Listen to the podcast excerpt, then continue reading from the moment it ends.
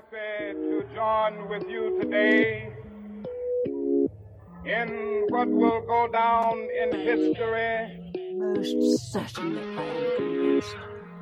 They gave Britain confidence in herself once again. Det är bara. The safest course is to believe in the moral government of the world. And therefore, Hej Fredrik! Ja, tjena tjena Anna! Hur är läget idag? Nej, men det är väl jättebra. Vi har ju precis fått eh, ha en underbart eh, intressant intervju med Jonas Hinfors också. Ja, precis. Och hej alla lyssnare! Er ska vi inte glömma att inkludera i det här samtalet. Ja, precis. En ganska väsentlig del. Välkomna till UF-luren, Utrikespolitiska föreningen Växjös podcast. Så vad är det dagens avsnitt ska handla om? Dagens avsnitt ska handla om hur det politiska landskapet ser ut idag, hur vi har kommit dit vi är, vad det innebär för oss idag, men också hur framtiden kan se ut. Till exempel om blockpolitiken är död eller inte. Vad som mer kan väntas av politiken i framtiden. Detta har vi bjudit in den eminenta professorn Jonas Hinfors eh, i statsvetenskap för att eh, diskutera med oss. Och vi hoppas att vi ska kunna bli lite klokare efter den här timmen ihop med honom. Och eh, vi kan ju börja med att beskriva lite hur känslan var i rummet där då. Och jag kan börja med att säga att Jonas är ju en fantastiskt trevlig och öppen person som verkligen erbjuder här större perspektiven än bara ett ja och nej. Och eh, ja, det har verkligen varit en fröjd att ha honom här. Vad, vad, vad hade du för intryck av Jonas? Ja, alltså vi har riktigt upprymd känsla här i studion efter han har lämnat och känns som att vi hade kunnat eh, alltså knäppa en öl och snacka hela kvällen egentligen, eller vad känner du? Jag håller helt med.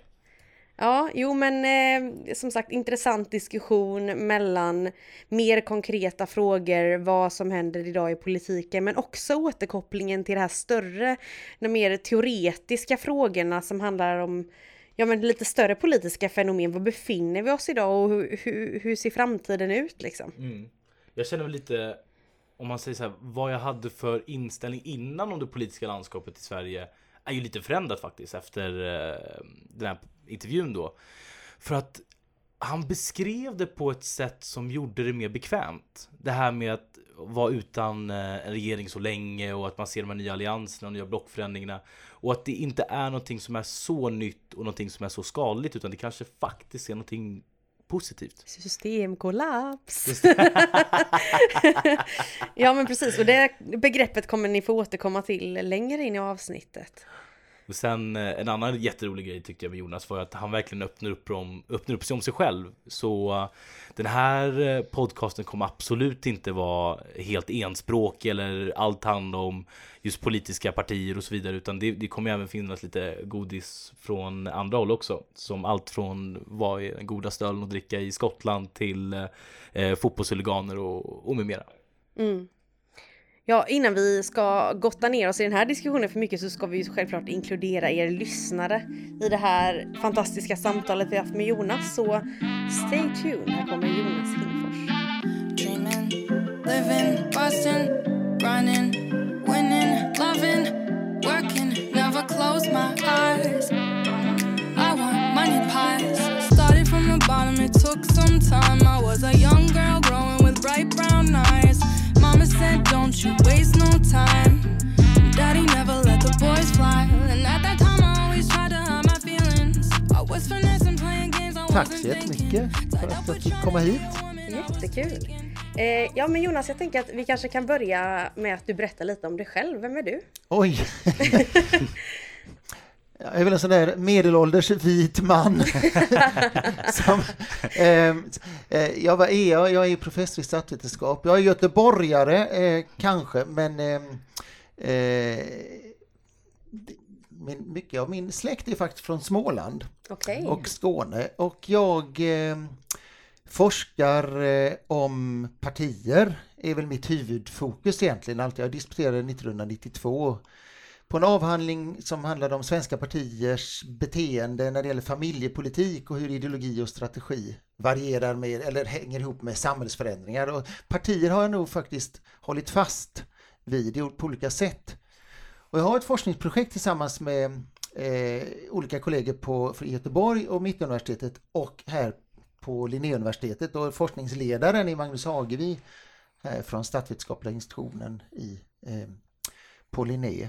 Eh, Sen har jag en, en, en, en slags kärlek är ju Skottland. Jag undervisar och är väldigt mycket i Skottland. Jag har varit liksom halvårsvis många gånger de senaste 15 åren och jag ska dit i höst igen till ett universitet som ligger i Stirling. Men ja, det kanske var jag ungefär. Jag måste ju komma med en snabb fråga då direkt när jag tänker på Skottland. Min pappa brukar alltid berätta den här historien om när han åkte ner till Skottland, vet under Henrik Larsson-tiden så, Ja. så fort han gick ut på puben så He's gick a alla... God! Ja, du känner igen det där? Ja, jag har varit med om det själv. Eh, säkert då i början, vi var, eh, då var familjen med flera gånger. Eh, vi var, eh, eh, det beror lite på hur man räknar, var första 2002, 2003, men 2003 var väl det här den första längre perioden. Då skulle det några eh, gups får man väl kalla dem på eh, universitetet som skulle hjälpa oss med någon, det var någonting i det här huset vi hyrde. Och, och de, ja nu kommer det från Sverige och så och man direkt att nämna Sverige så sa de Henrik Larsson. Jaha, ni känner till honom eller så? He's a God! Ja, det, det var, och det, fortfarande är han eh, ju väldigt populär i Celtic, i- var ju hans lag då. Ja. Och det är ju spännande för Celtic är det, är ju det katolska laget så att säga eh, i Glasgow och Rangers är det protestantiska. Och det, är, eh, det är väldigt levande, man ska inte underskatta de här eh, politiska sociala skillnaderna mellan eh, katoliker och protestanter faktiskt i Skottland på lägre våldsnivå än vad det är på Irland, Nordirland. Mm. Men det är ungefär som att det, liksom, det, det, det, det är alltid vapenvila i Skottland men det finns under ytan väldigt mycket socialt, alltså fattiga katoliker som hunsades av protestanter kan man säga för att förenkla lite. Ehm, och det, det går igen vilka skolor man väljer, vilka namn man har, så det går alltid lätt att känna igen folk så att säga. Så att, eh, och det finns ju mycket som de jobbar ju med sectarianism och det, det, eh, det ger sig inte riktigt alltså. Men Larsson, eh, han kom ju från en annan miljö och var Jaha. väldigt uppskattad av väldigt många, får jag säga. Då kommer ju lite så här snabb fråga direkt. Nu kanske inte Sverige har liknande med att eh, fotbollslag har de här politiska ideologierna och så vidare. Men om man tar vidare till Italien då så är det ju väldigt, man kan väl kanske säga att ibland fotbollslag fungerar som någon form av fackförbund. Och i den här mellanhanden då mellan individen och staten ibland. Är det, skulle du säga att det är lite liknande då i, i Skottland på samma sätt? Kanske, jag vill säga, ibland talar man väl om, hur är det, en del eh, eh, klackar i Sverige, väl firmor va? Ja. Vilket låter lite nära också en del eh, eh, som kriminella gäng. Fackförbund, ja, alltså kanske det... Jag vet för lite för att säga något om det egentligen, men, men att det är... Att det... För en...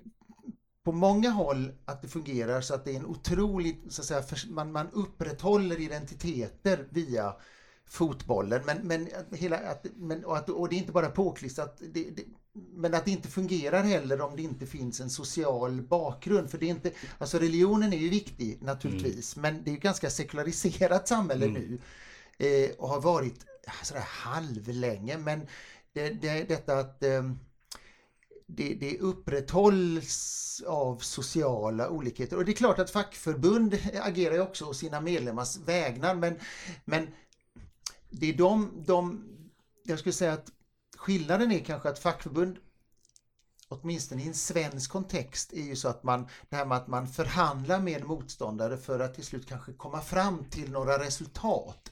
Det finns ju inte alls utan här är det mer att markera sin särart. Det finns ju inte Alltså förhandlingen finns inte mellan de olika grupperna utan den, den, eh, det finns inga verktyg. Det, det försöker man ju från samhällelig nivå att, finna verktyg för att de ska möta varandra.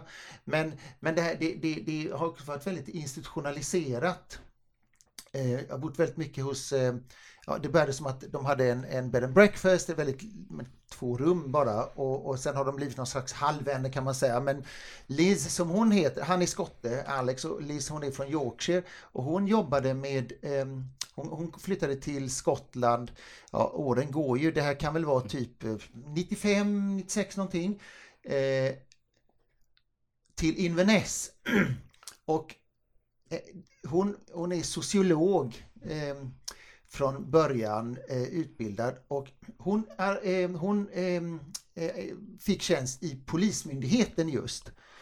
Ehm, och det, nu är det precis som i Sverige, nu är det Polis Scotland och då var det som olika. Och hennes, hennes uppdrag det var att eh, försöka bryta rekryteringen därför att det, det, det här ser man på alla nivåer och särskilt om man kommer eh, säga, ju längre västerut man kommer är det Mm. starkare skillnader, mer katoliker är det och då blir det med. Att bryta hur pro, eh, rekrytering och eh, befordringsgångarna var för att alla eh, beslut, alla, alla högre upp i hierarkin eh, rekryteras som protestanter. Så om man talar om till exempel glastaket för kvinnor, men så fanns det glastak för katoliker där. Eh, De gick alltid till protestanter, alla beslutande tjänster. Och det är samma på företag. Eh, Förmän och så har alltid varit, då har det gått till protestanter. Eh, Och det innebär också att i Skottland har det traditionellt varit så att arbetarklassen har varit uppdelad. De har varit väldigt stor andel som länge röstat på konservativa partiet i Skottland. Sen har de på senare år liksom haft väldigt svårt, nu är de på väg upp lite igen, men de var starka för de, de var ju då de protestantiska unionistpartiet. Och de välmående arbetarna röstade gärna på konservativa medan katolikerna röstade då i större utsträckning på Labour. Så arbetarklassen var som splittrades. Men just detta att eh, det hela tiden eh, har varit den här alltså liksom osynliga, subtila diskrimineringen, bokstavligt talat diskriminering. Så har har ju jobbat med det och kanske då kommit en viss del. En del hävdar, jag läste någon, eh, någon slags historisk, skotsk historiesak om att Delvis bröts det i näringslivet lite grann då på 60-talet när Skottland och hela Storbritannien och kanske Sverige globaliserade. Det kom in multinationella företag för de gav alltså fullständigt tusan i vad det var för religion. Så att säga. Ehm, och och det, det bröt lite grann i varje fall de här mönstren med rekryteringen. Det är fascinerande och det, men fortfarande är det ju så att man ska helst inte, de har, ja, i Glasgow finns det ju liksom en tunnelbanelinje och sen är det ju förortståg så man ska, de stänger ofta tunnelbanan när det är matcher mellan Rangers och, och Ja, Celtic. det. Eh, och man eh, alltså ska helst inte röra sig på eh, en del ställen om man eh, kan undvika för då kan man liksom bli indragen utan att tänka på det i att det är bråk helt enkelt. Så. What will go down in history Most certainly, I am convinced. They gave Britain confidence in herself once again. Intressant. Som sociologistudent skulle jag kunna ställa tio frågor på Ja, det. Men om vi ska förflytta oss lite från den här Ja. intressanta skotska kontexten till en svensk. Vi kan ju komma in lite på det här med identitet och politik för det har vi lite intressanta frågor om längre fram. Eh, men om vi ska börja lite från ruta ett så har ju vi precis lyssnat på en föreläsning med det här som hette, eh, ska vi se så jag kan säga det här ordet rätt, seismiska effekter av valet 2018, regeringsbildning i ett sammanstörtande politiskt landskap. Eh, lite kortfattat, vad, vad handlar det om? Två timmar på två minuter. Ja, ja precis. Jag hade två... Ja, nej men... Eh, alltså tanken var ju att, att eh, visa och påminna om att det... Den nuvarande mm, relationen mellan partierna, alltså regeringsbildningen och hur, det har, hur spänningar och också eh, samarbete mellan partierna i Sverige har utvecklats jämfört med vi ser hur det traditionellt har varit under 50 år. Att, att, att det har hänt så oerhört mycket. Att vi, det, det har varit mycket kritik kring den här mm, januariuppgörelsen och partierna har ju ändrat sig och så men, men jag tror att man oavsett om det är det här att det är normativt bra eller dåligt att ändå betona hur drastisk förändringen är från att gå från en logik där två block står mot varandra, där det nästan är typ som två partier och de har anledning internt att samarbeta med varandra för att man tänker att vår sida då, antingen den rödgröna eller alliansen, ska ta över om de får majoritet och sen så får man lämna ifrån sig det då om man inte klarar det. Att det är nu förändrat så att plötsligt så har vi det att Centern och Liberalerna samarbetar med eh, Socialdemokraterna och Miljöpartiet, alltså på ett sätt som, alltså vi har sett några små samarbeten. Mitt på 90-talet så var ju Socialdemokraterna och Centerpartiet under tre år samarbetade i Finansdepartementet. Men det, man får se det som ett undantag. Annars får man gå tillbaka till 50-talet.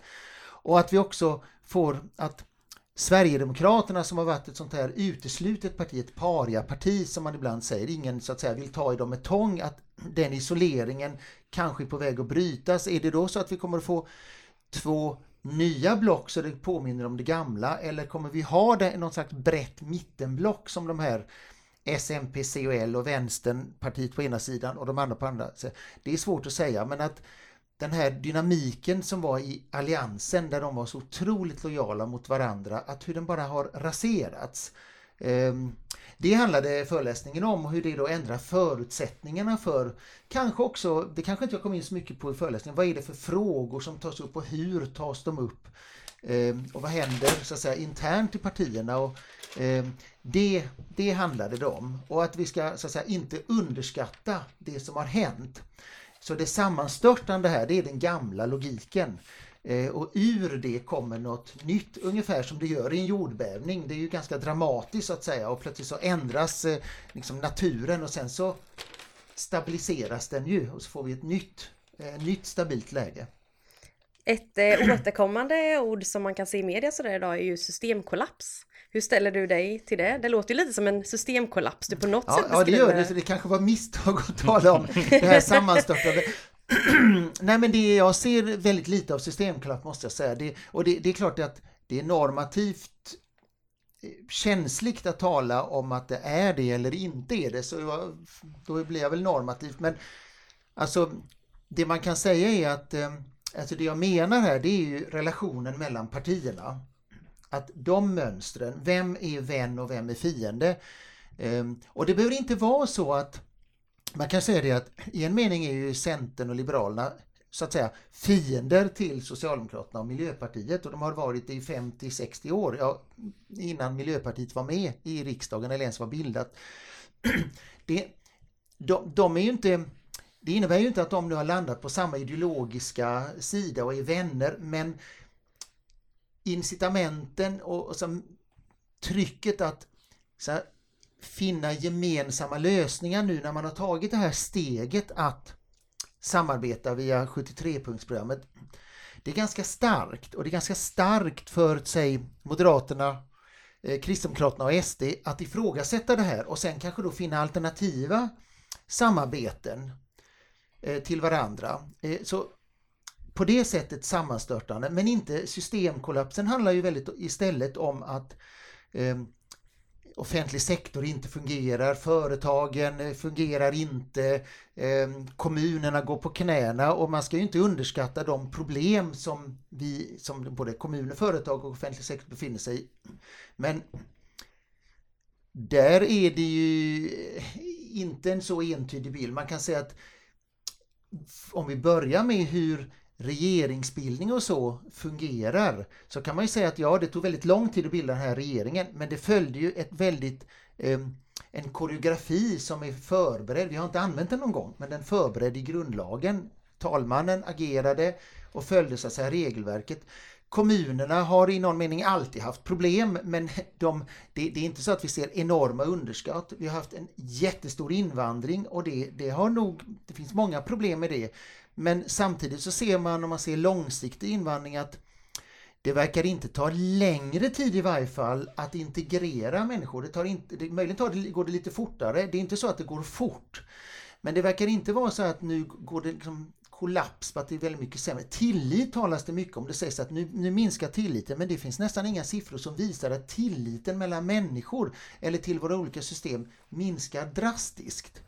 Så på det sättet är det ganska mycket som är stabilt faktiskt mitt i allt. Så att, skulle jag nog vilja hävda. Sen finns det, det finns grupper som inte har tillit. Det finns delar av offentlig sektor som inte riktigt fungerar. Men de problemen har i olika varianter funnits under lång tid. Det är mycket av det den politiska debatten handlar om så att säga, att det finns problem som man identifierar. Men systemkollaps ska jag säga, det är, det är något som är mycket, mycket mer grundläggande och värre. Så det tycker jag nog ändå att ganska mycket forskning pekar på att nej, det, det, det finns inte. Och ser vi då till statsvetenskaplig forskning om till exempel det här med tillit och eh, hur, att sluta upp kring demokrati och så vidare. Så ja, det finns nog en del siffror som pekar på att Eh, en del är kritiska, men ser vi på valdeltagande, ehm, till exempel ehm, ehm, partiernas interna arbete, det är färre medlemmar, långt färre än vad det har varit, men det har slutat minska. Ser vi till eh, hur offentlig sektor finansieras, hur partierna förmår ändå finna lösningar. Nej, jag skulle inte säga att det är systemkollaps. Egentligen alls. Så där får jag väl bli lite normativ då. Så skulle vi kunna säga att det politiska landskapet snarare har ehm, förändrats än att det har liksom rasat samman. Ja, jag tycker att man får göra det. Och, eh, samtidigt, det, det är ju inte så att det, att det är stabilt, eller vad ska jag säga, att allting är likadant. Det, det, det, är, ju, det är ju fascinerande hur enormt mycket eh, sociala uppfattningar har förändrats. Ta till exempel hbtq-frågor som jag tror jag nämnde på föreläsningen. 1979 blev eh, det, fram till 79 var det fortfarande en sjukdom att vara homosexuell. Och på den tiden talades ju inte, alltså HBTQ fanns ju inte i sig ens som begrepp. Eh, när jag gick i skolan fanns så att säga inte homosexuella därför att de fanns bara inte. Det var någon enstaka skandal och det var det någon mm. som hade avslöjats med att vara homosexuell. Alltså att gay fanns inte som begrepp. Det var en helt annan värld och ändå fanns ju människor så att säga. Och det är samma, det fanns ju inga eh, jag menar, synen på på alltså, ras och sådär. Det finns massor med hemska uttryck för rasism idag. Men alltså, jag kan ju tala om att det var väldigt accepterat att säga alla möjliga saker mm. tillbaka i tiden. Men om vi tar HBTQ, där är ju en enorm förändring även i sen tid. Ser man på siffror med vad människor uppfattar, till exempel att förbättra förutsättningar för, jag tror idag om det kallas homosexuella eller HBTQ-personer, jag är lite osäker hur frågan är formulerad. Så går vi bara tillbaka till Ja, år 2000 så är det en väldigt liten minoritet som svarar ja på bör förbättra förhållandena. Idag är det en stor majoritet, det är ganska kort tid. Mm. Eh, så det, är, det, finns, det är nästan det finns revolutioner som pågår så att säga och de, de är ju Dels är det ju så att partier och opinionsbildare har arbetat för det eh, men det är också så att det kommer Eh, att det är det så att säga underifrån förändringar som liksom är mellan människor som, som, som sen partierna har att ta ställning till. What will go down in history? Most certainly I am convinced. They gave Britain confidence in herself once again. De här seismiska effekterna som du talar om. Mm. Eh, väldigt eh, vackert beskrivet med de här skalven och då pratar du om förskalv, skalv och efterskalv. Kan du förklara den idén lite grundligt först så våra lyssnare med? Ja, man börjar med skalvet då. Eh, då är det alltså den här förändringen från att vi har eh, två block som nästan liknar två partier där, som står mot varandra och där de kanske då delvis drivs mot mitten. Eh, väldigt lojala internt, man drivs mot mitten. Eh, och att det ganska plötsligt, det är ju inte över en natt utan det, det, har ju tagit sin lilla tid men ändå att vi nu ser via det här fyrpartiuppgörelsen, 73-punktsprogrammet, att plötsligt så har vi då två partier på vänster, två till höger som tidigare, alltså under väldigt, väldigt lång tid har varit varandras huvudmotståndare egentligen, eller viktiga motståndare snarare kanske man kan säga. Nu samarbetar de. Eh, och samtidigt så är det då partier åt höger som tvingas tänka igenom ordentligt hur ska de hantera och då är det Moderaterna och Kristdemokraterna. Sverigedemokraterna som liksom har varit utestängda, de, de är ju ett ganska nytt parti men har inte varit inne i värmen någon gång. Ska de släppa det och om de gör det, vad händer då med banden till de forna allianspartierna C och L? Det är ju ganska, så det, det är ju en enorm förändring i hur så att säga, logiken fungerar i systemet. Förskalven då, det är ju vad var det som ledde fram till det här egentligen? Och, och, då kan man säga att det finns ju det som kanske är ganska långt tillbaka och som mer i nu, närtid och det som är långt tillbaka det är väl kanske det här att Socialdemokraterna och, och även de, liksom det stora borgerliga alternativet från någon sådär 80-90-tal har svårare att leverera det som tidigare var det som gjorde det verkligt så att säga, den ideologiska visionen. Och som, som jag säger, det är ganska populärt, folk kan ha olika åsikter om skatter och välfärdsstat, men det var ett ganska populärt projekt med välfärdsstaten.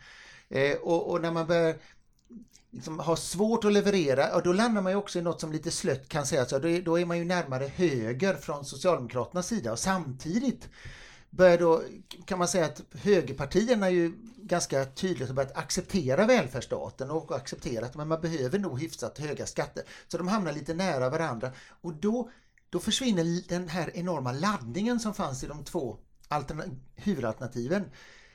Plötsligt så öppnar man dörren för andra ideologiska idéer och då kan man säga den ekologiska rörelsen, kristdemokratiska rörelsen och den nationella, nationalistiska rörelsen. De, de, de får ju svängrum plötsligt därför att laddningen i de andra är inte så stark. Det är ju en tidig rörelse från 80-90-tal och sen fortsatt in i vår tid.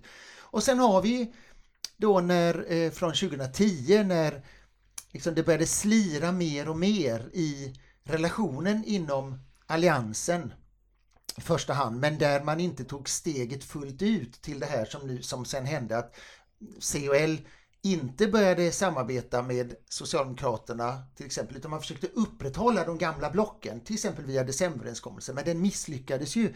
Och sen föll den, men man upprätthöll den ändå. Ja, det är förskalv. Och sen efterskalv kan vara, ja, hur kommer nu detta utvecklas? Nu har vi ett lösligt samarbete mellan fyra partier och sen har vi ett samarbete som inte finns riktigt mellan då eh, M, KD och SD. Kommer de här att konsolideras till mm att det blir två block som står mot varandra igen. Och det vet vi inte riktigt. Man märker ju nu hur jag menar häromdagen så kallade, eh, vad heter han nu, Ulf Kristersson, Moderaternas ledare, han kallade delar av Centerpartiets politik, och det var väl framförallt migrationspolitiken, för genuint eh, farlig. Det är rätt starka ord. Mm. Och eh, Jan Björklund kallar eh, kallar eh, KDs i första hand nu eh, steg att kanske börja acceptera i viss mån SD för tragisk. Det här, att de satt i samma regering, de var liksom oerhörda vänner bara för några, för, igår typ. De är inte bästa vänner längre. De är inte bästa vänner den här logiken, kommer den att fortsätta? Det är efterskalven. Mm. Så efterskalven kan man säga att det är det här sammanstörtade politiska landskapet du talar om? Ja, det har störtat samman men vi vet inte exakt vad som kommer att komma istället. Så att det har störtat samman kan vi nog säga ganska säkert um, i överskådlig tid. Men precis vad det är för ny så att säga, bergformation som kommer. För när jag var liten så var det någon isländsk ö som steg ur havet. Surtsey hette den. Är det det vi ser eller är det två öar eller så? Det, är så att, det var ju som en vulkan var det ju då eh, som bara exploderade. Och eh, det vet vi inte än. Det har liksom inte stelnat till än, det här nya partisystemet.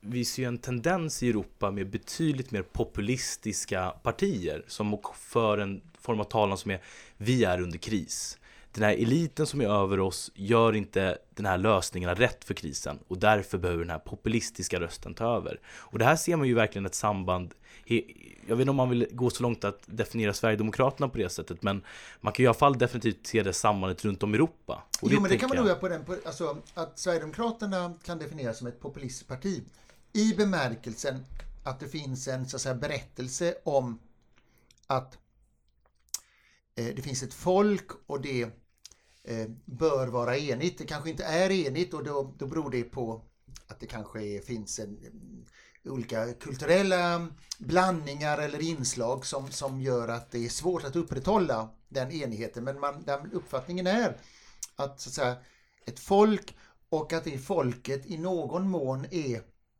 det kanske är att ta i men liksom lurat av eliter som, som så att säga eh, på folkets bekostnad genomför mm. saker som då inte är förankrade i folket och att ett parti kan vara så att säga en uttolkare av folket. Inte så att man ska ha en ledare bara som bara ska tolka och så ska det inte vara demokrati utan man har en slags, man vill ha en direktkontakt. Mm. Det kan vara Eh, Och sen hur den, om den fungerar eller inte, men alltså folkomröstningar, en slags massrörelser som där folket får säga sitt. Eh, I den bemärkelsen populism. Mm. Eh, får man nog säga att, att alltså, menar, har man alla de här olika forskningsartiklar och så om populistiska radikala högerpartier så är Sverigedemokraterna på ett självklart sätt en del av dem och, och finns liksom med på alla sådana listor så att säga. Medan däremot brukar det råda i, i nordisk kontext lite, lite frågetecken och det är lite olika beroende på författare om det norska Fremskrittspartiet ska räknas dit så att säga. Men det, ja, men, men, och det är klart att kanaliseringen av människors frustration kan då ta sig olika vägar. Ehm, Ehm, och då, då kan man väl säga att det där frodas ju bland annat den populistiska radikala högerfamiljen. Ehm, och den har ju den kallas ju alltid, nästan alltid höger då, den är ju aldrig vänster kanske, men den kan vara mer eller mindre positiv till välfärdsstaten. Den kan vara mer eller mindre eh, etniskt identifierad. Men det kan, likheten mellan de här rörelserna kan väl vara det att man möter en, en, en politiskt styrande grupp som kan ha olika schatteringar, vänster, höger, mitten, men där, det, där de som i styrande position känner att det är svårare och svårare att leverera väldigt nya reformer och då kan det kanaliseras in i den populistiska rörelsen. Sen om de då har svaren och vad som skulle hända om de plötsligt kommer till makten, vad det då är för reformer som man lyckas leverera, det är ju en annan sak. I wanna see pom poms from the stands. Come on, come on. My fingertips and my lips, they burn from the cigarettes. Forrest Gump, you run my mind, boy. Running on my mind, boy. Forrest Gump, Vi ska återkomma lite till eh, Sverigedemokraterna. Så jag tänker att en eh, naturlig fundering man får upp i huvudet av eh, de här skalven du beskriver är ju SDs roll i det här. Och kan man, kan man säga att de här, den här förändringen beror på SD då? De får ändå någon betydande roll i den här beskrivningen du ger. Mm. Nu tuggar jag på en god eh, chokladboll här om ni undrar. Men, eh, eh, ja, eh, alltså kortsiktigt och direkt ja. Hade inte SD funnits så hade vi inte sett de här eh, nya samarbetsformerna. Jag är ganska övertygad om. Och, och skälet är då att några partier ja, i Alliansen uppfattar verkligen att SD, deras, alltså Centern och Liberalernas analys, är att Sverigedemokraterna är ideologiskt inte acceptabla. Vad man än tycker om det så det är deras analys, i varje fall partiledningarna som så att säga har ändå till slut i Folkpartiet, Liberalernas fall var det ju en del spänningar i partiet, men man har landat där. Ehm, och Moderaterna och Kristdemokraterna gör delvis en annan analys. Man, det, det är lite, alltså båda de hävdar ju att man ska inte samarbeta och att det här är ett, ett, ett, ett konstigt parti. Man tycker in, men, men någonstans så vill man kanske normalisera relationen. Det får man ju se var man landar. Men de är inte riktigt lika mm, så att säga, skräckslagna för att det här är ett ideologiskt alternativ som kommer att ta plats om man börjar samarbeta eller samtala med dem. Så kortsiktigt är det ju det. Annars hade vi haft partier som ju tycker olika och sådär men som ändå accepterar varandra och där man inte uppfattar sig på det sättet som hot. Men lite mer långsiktigt kan man ju säga att det är väl egentligen den här eh, förändringen från att, Eh, att det socialdemokratiska huvudalternativet har haft svårt att leverera och successivt sedan 90-talet tappa väljare. Och då, då måste de börja hitta nya samarbetsformer och ny politik och delvis har ju den då i varje fall i konkret mening så att säga dragit sig åt höger och då öppnar man flanken för en frustrerad den delen, om om man tar just socialdemokratiska arbetarväljare så är det ganska tydligt att en del av dem har haft ganska konservativa uppfattningar om till exempel hem och familj och kulturfrågor så att säga i bred bemärkelse. De, det finns en, en väldigt spännande artikel av eh, mina kollegor Marie Demker och, och Maria Oskarsson eh, just om när spänningen minskat mellan Socialdemokraterna och Moderaterna successivt på säg, slutet på 90, början på 2000-talet så öppnas dörren för att då socialt konservativa arbetarväljare som, som tidigare har levt på den här gamla vänster-högerspänningen, de glider över till Sverigedemokraterna. Så, så långsiktigt handlar ju om det kanske det socialdemokratiska projektet som då luckras upp. Mm. Och då, då händer det någonting, då ska de här väljarna ta vägen någonstans och, och eh, då har det inte alltid varit självklart för dem att gå till någon av de etablerade borgerliga partierna som har varit på mot, delvis då motsatt sida som Socialdemokraterna i gamla vänster-högerfrågor men också delvis, har, alltså lite slirigt är det mitt resonemang, men delat Socialdemokraternas uppfattningar när det gäller eh, mer kulturfrågor. Medan Sverigedemokraterna kan så tydligt fånga upp eh, den här mer socialt konservativa eh, gruppen mm. arbetarväljare. Mm. Nu kanske då sen Sverigedemokraterna börjar vidga sitt väljarunderlag så att man liksom får ytterligare grupper men det har ju varit det stora genombrottet. Så att det här Kortsiktigt ja, men långsiktigt är det svårigheten för Socialdemokraterna. Och ser vi internationellt så kan det då vara Socialdemokrater, Labourpartier men också konservativa partier som har svårt med så att säga det gamla projektet. Precis, vad bra att du kom in på det internationella där för att jag tänkte att vi skulle vidga våra vyer lite och den här utvecklingen mot eh, att kantpartier som SD till exempel etablerar sig mer eh, är ju inte någonting som har skett bara i Sverige den senaste tiden och kanske främst då på, på högerkanten. Eh, men frågan där vi har då är eh, sättet som Sverige har bemött eh, Sverigedemokraterna på, eller hur de traditionella svenska partierna har behandlat eh, SD på. Hur kan man jämföra det eh, i en mer internationell eh, kontext? Om vi pratar om Ungern eller Tyskland eller Spanien till exempel. Eh, är sättet som Sverige har behandlat SD på unikt på något sätt? Eller hur kan man göra en jämförelse där?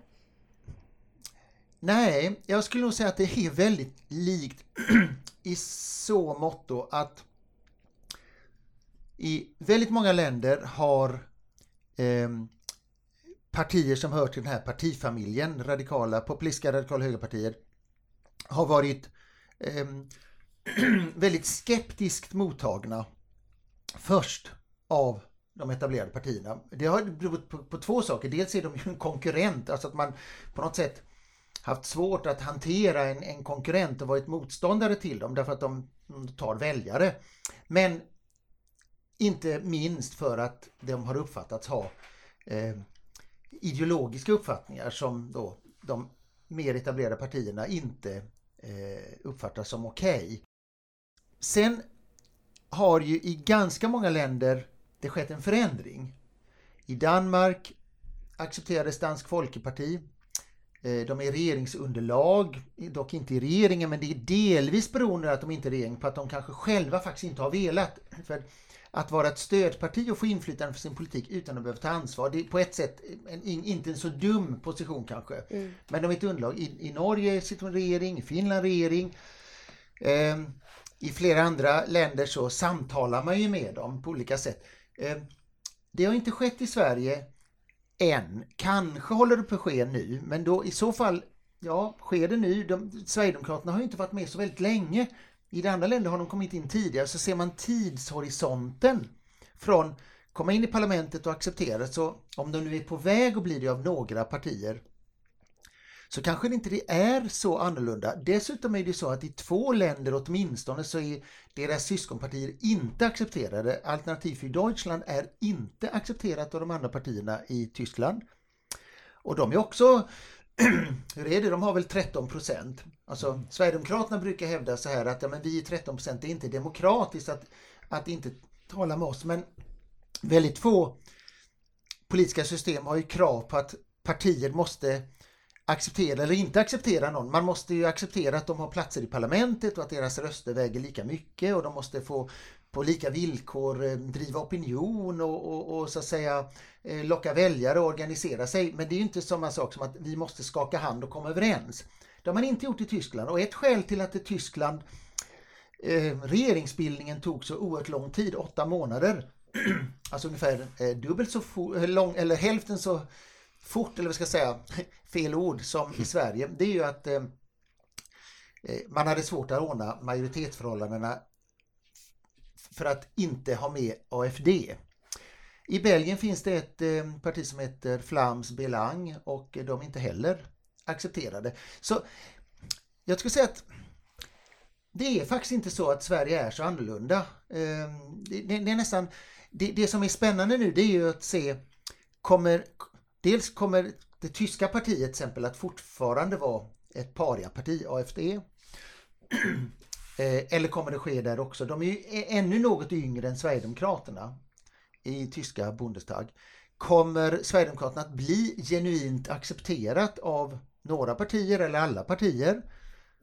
Ehm, på kort sikt antagligen inte, men kommer de att bli genuint accepterade som fullt ut kanske av KD och Moderaterna som då skulle kunna ha dem som en, en, en välkommen regeringsunderlag? Det vet vi inte riktigt än, men det är fascinerande hur lika det faktiskt är när man börjar liksom tänka lite mer eh, eh, bortse från den här eh, alltså den, bara se till den svenska kontexten. Så ja, Ungern nämnde du. Ungern är ju lite speciellt. Alltså, det är, det är en väldigt ung demokrati också, får man komma ihåg. De Ehm, har ju nästan inga invandrare. Men däremot ett väldigt stort parti, Fidesz, som ju uppfattas som höra till den populistiska radikala högerfamiljen och sitter i regering. Ehm, och som uppfattas från Sverigedemokrater brukar ofta, det gäller nog inte alla, men talar med ganska positiva ordalag om Fidesz. Ehm, men de har ju delvis en annan historia. Alltså, jag tror att det kan vara svårt att jämföra med dem. De har också mycket mindre stabila demokratiska institutioner. Det är nytt. I Spanien finns mm. det inte heller egentligen något etablerat eh, parti av det här slaget. Det är också en ung demokrati. Där finns det då möjligen ett, ett vänsterpopulistiskt parti, men de har ju liksom en annan agenda. what will go down in history. Most certainly, I am convinced. They gave men nu när vi är inne på en internationell kontext ehm, och apropå populism och dess spridning så eh, kan vi även kolla in på Trumps framfart i den amerikanska politiken och att eh, den är ju då väldigt inspirerad av en populistisk ideologi. Däremot det, det särskiljaktiga med just Trump kan ju vara att eh, det skedde just i en väldigt etablerad parti som The Republicans är då i tvåpartisystemet i USA. Däremot måste man ju höja ett varningens finger för populismens tendens för kortsiktighet. Till exempel då just den kända slogan under kampanjen Make America Great Again. Ja, intressant. Eh, tanken som kom upp direkt i mitt huvud på den här frågan var ju eh, Trumps eh, mur. Om han kommer hinna bygga den eller inte. Eh, men, ja, det verkar ju som att ja, på olika sätt inom det amerikanska politiska systemet så är det ju möjligt att det kanske faktiskt levereras en del resurser så att han kan mm. åtminstone visa att han är på väg. Jag, jag vet inte, men det byggs ju en del. Nu såg jag häromdagen så var det en miljard dollar som frigjordes och då kommer man en bit på vägen och det är det nio mil eller vad det var. Men det är, den är lång gränsen. Mm. Det är ju mycket snack dock om att just hela den här äh, muren idag i USA är faktiskt mer av en leverage point utav republikanerna som säger okej, men vi förstår att ni inte kommer hålla med helt och hållet på hur vi ska distribuera resurserna om muren. Men om ni kompromissar lite här så kan vi kompromissa lite på ett annat ställe. Ja. Mm. Eh, och då får man någon, det är på ett sätt spännande, man kan tycka vad man vill om muren, men då kommer ju en del av det amerikanska systemet att mitt i all den här hårda retoriken så är det också deals och kompromisser mm. Mm. och pragmatism mitt i allt sammans. Ja, den som lever får se helt mm. enkelt. Men eh, vi ska avsluta den här dis eh, intressanta diskussionen med en liten framtidsfråga här och jag tänker att allting det vi har pratat om egentligen kan ju på ett teoretiskt plan ses lite som att det moderna samhället förändras och liksom diskussionen om rör vi oss mot ett mer postmodernt samhälle eller vad är det som sker, och hur kommer framtiden se ut där saker och ting inte är lika tydligt och självklart längre i politiken. Vi har inte de här tydliga, eh, det här tydliga tvåblockssystemet eh, längre och hur, hur tar vi oss vidare helt enkelt? Så då kan man ju ställa den här frågan, eh, kommer en nya block framförhandlas av liksom den, de här sammanstörtningarna som vi ser nu eller en helt ny politisk kontext eller ett helt nytt politiskt landskap Jonas? Vad tror du? Alltså på kort eller sådär medellång sikt så kanske det inte kommer att komma så hemskt mycket nytt jämfört med de huvudalternativ som vi ser idag. Men inom dem är det ju inte helt liksom, utkristalliserat. Så om man ser till utvecklingen i många länder i hur syskonpartiet till Sverigedemokraterna har hanterats och vad det då sen för med sig i eh, det är ju liksom rätt stora partier och så vidare, om, det vill säga de blir accepterade, då får de ju också en lite större inflytande på den konkreta politiken och då, då, då ändras ju liksom dynamiken i vad det är för typ av frågor som kanske också kommer att beslutas. Man blir alltså en del av regeringsunderlag.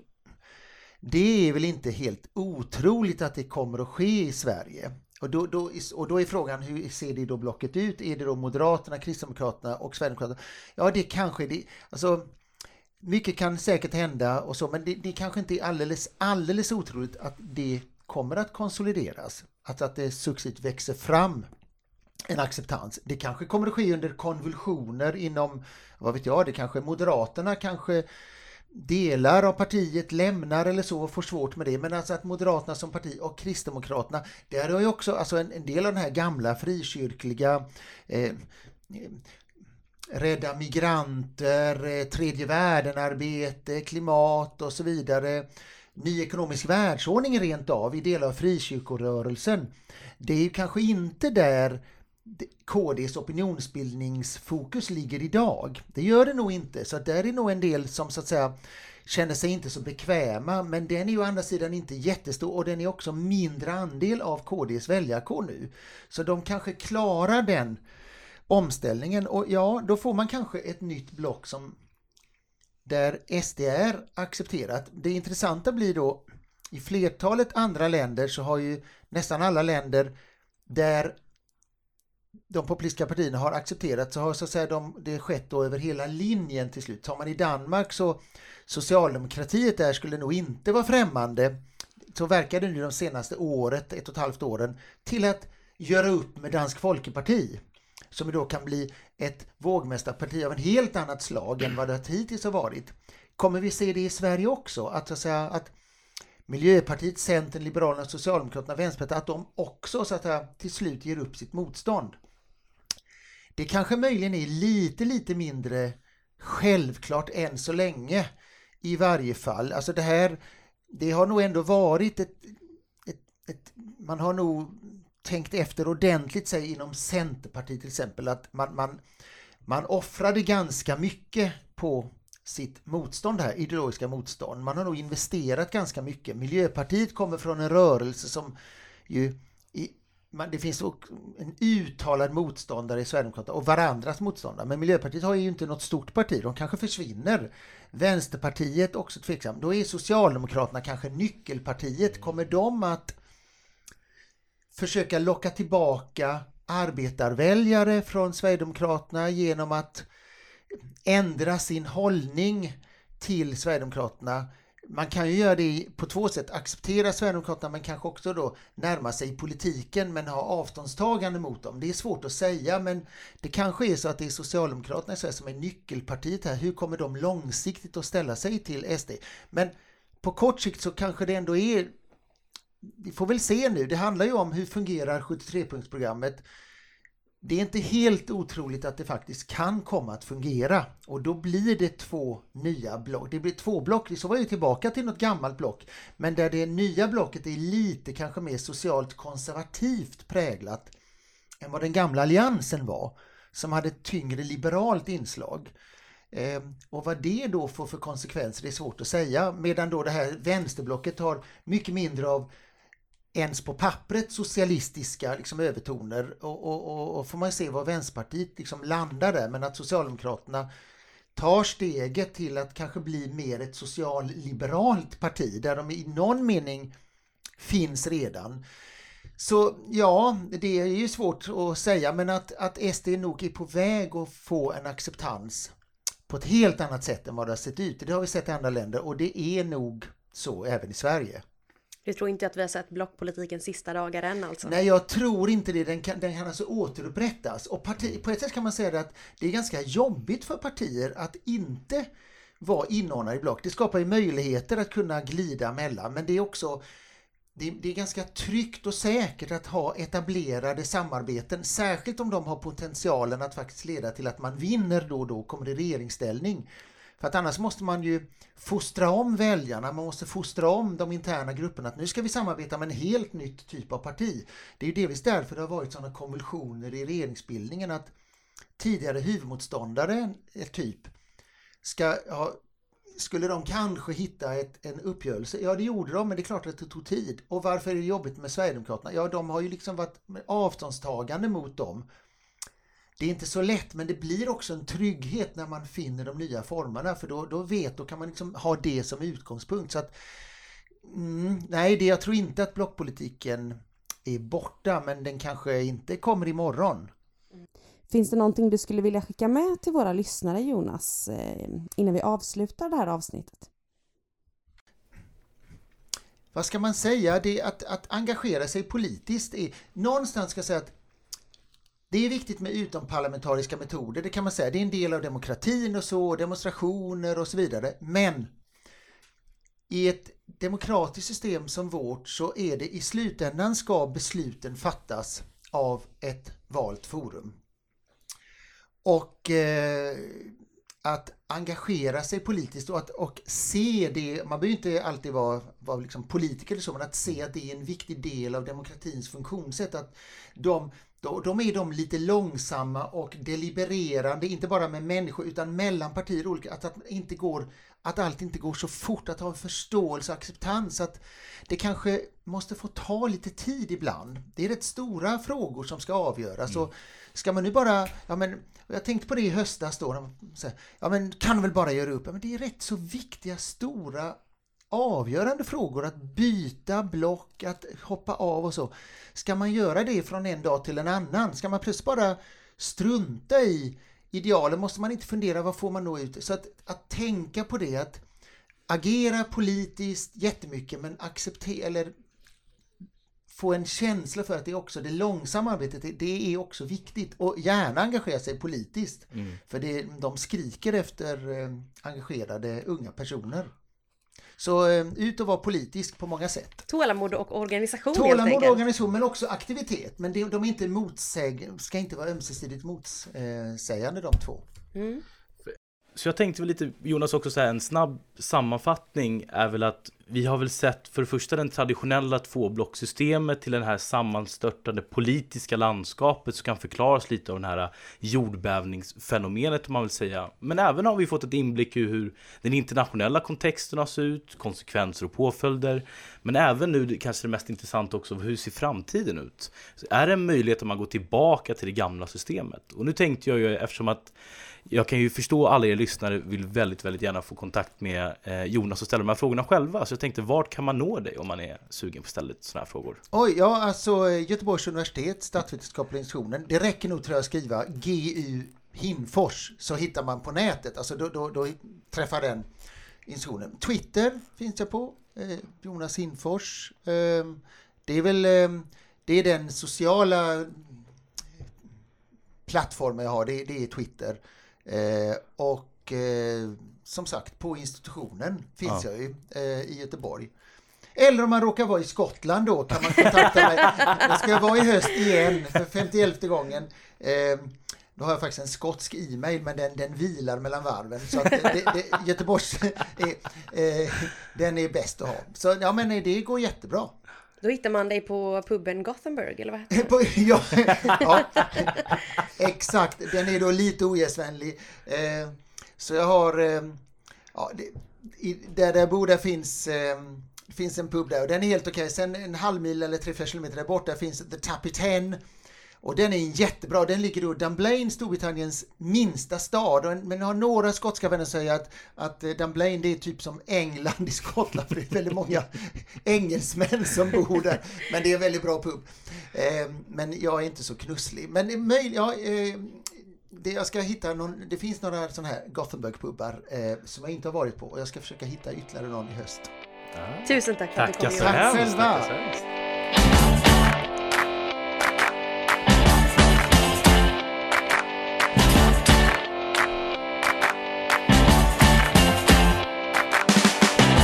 Trigger, me no press people button.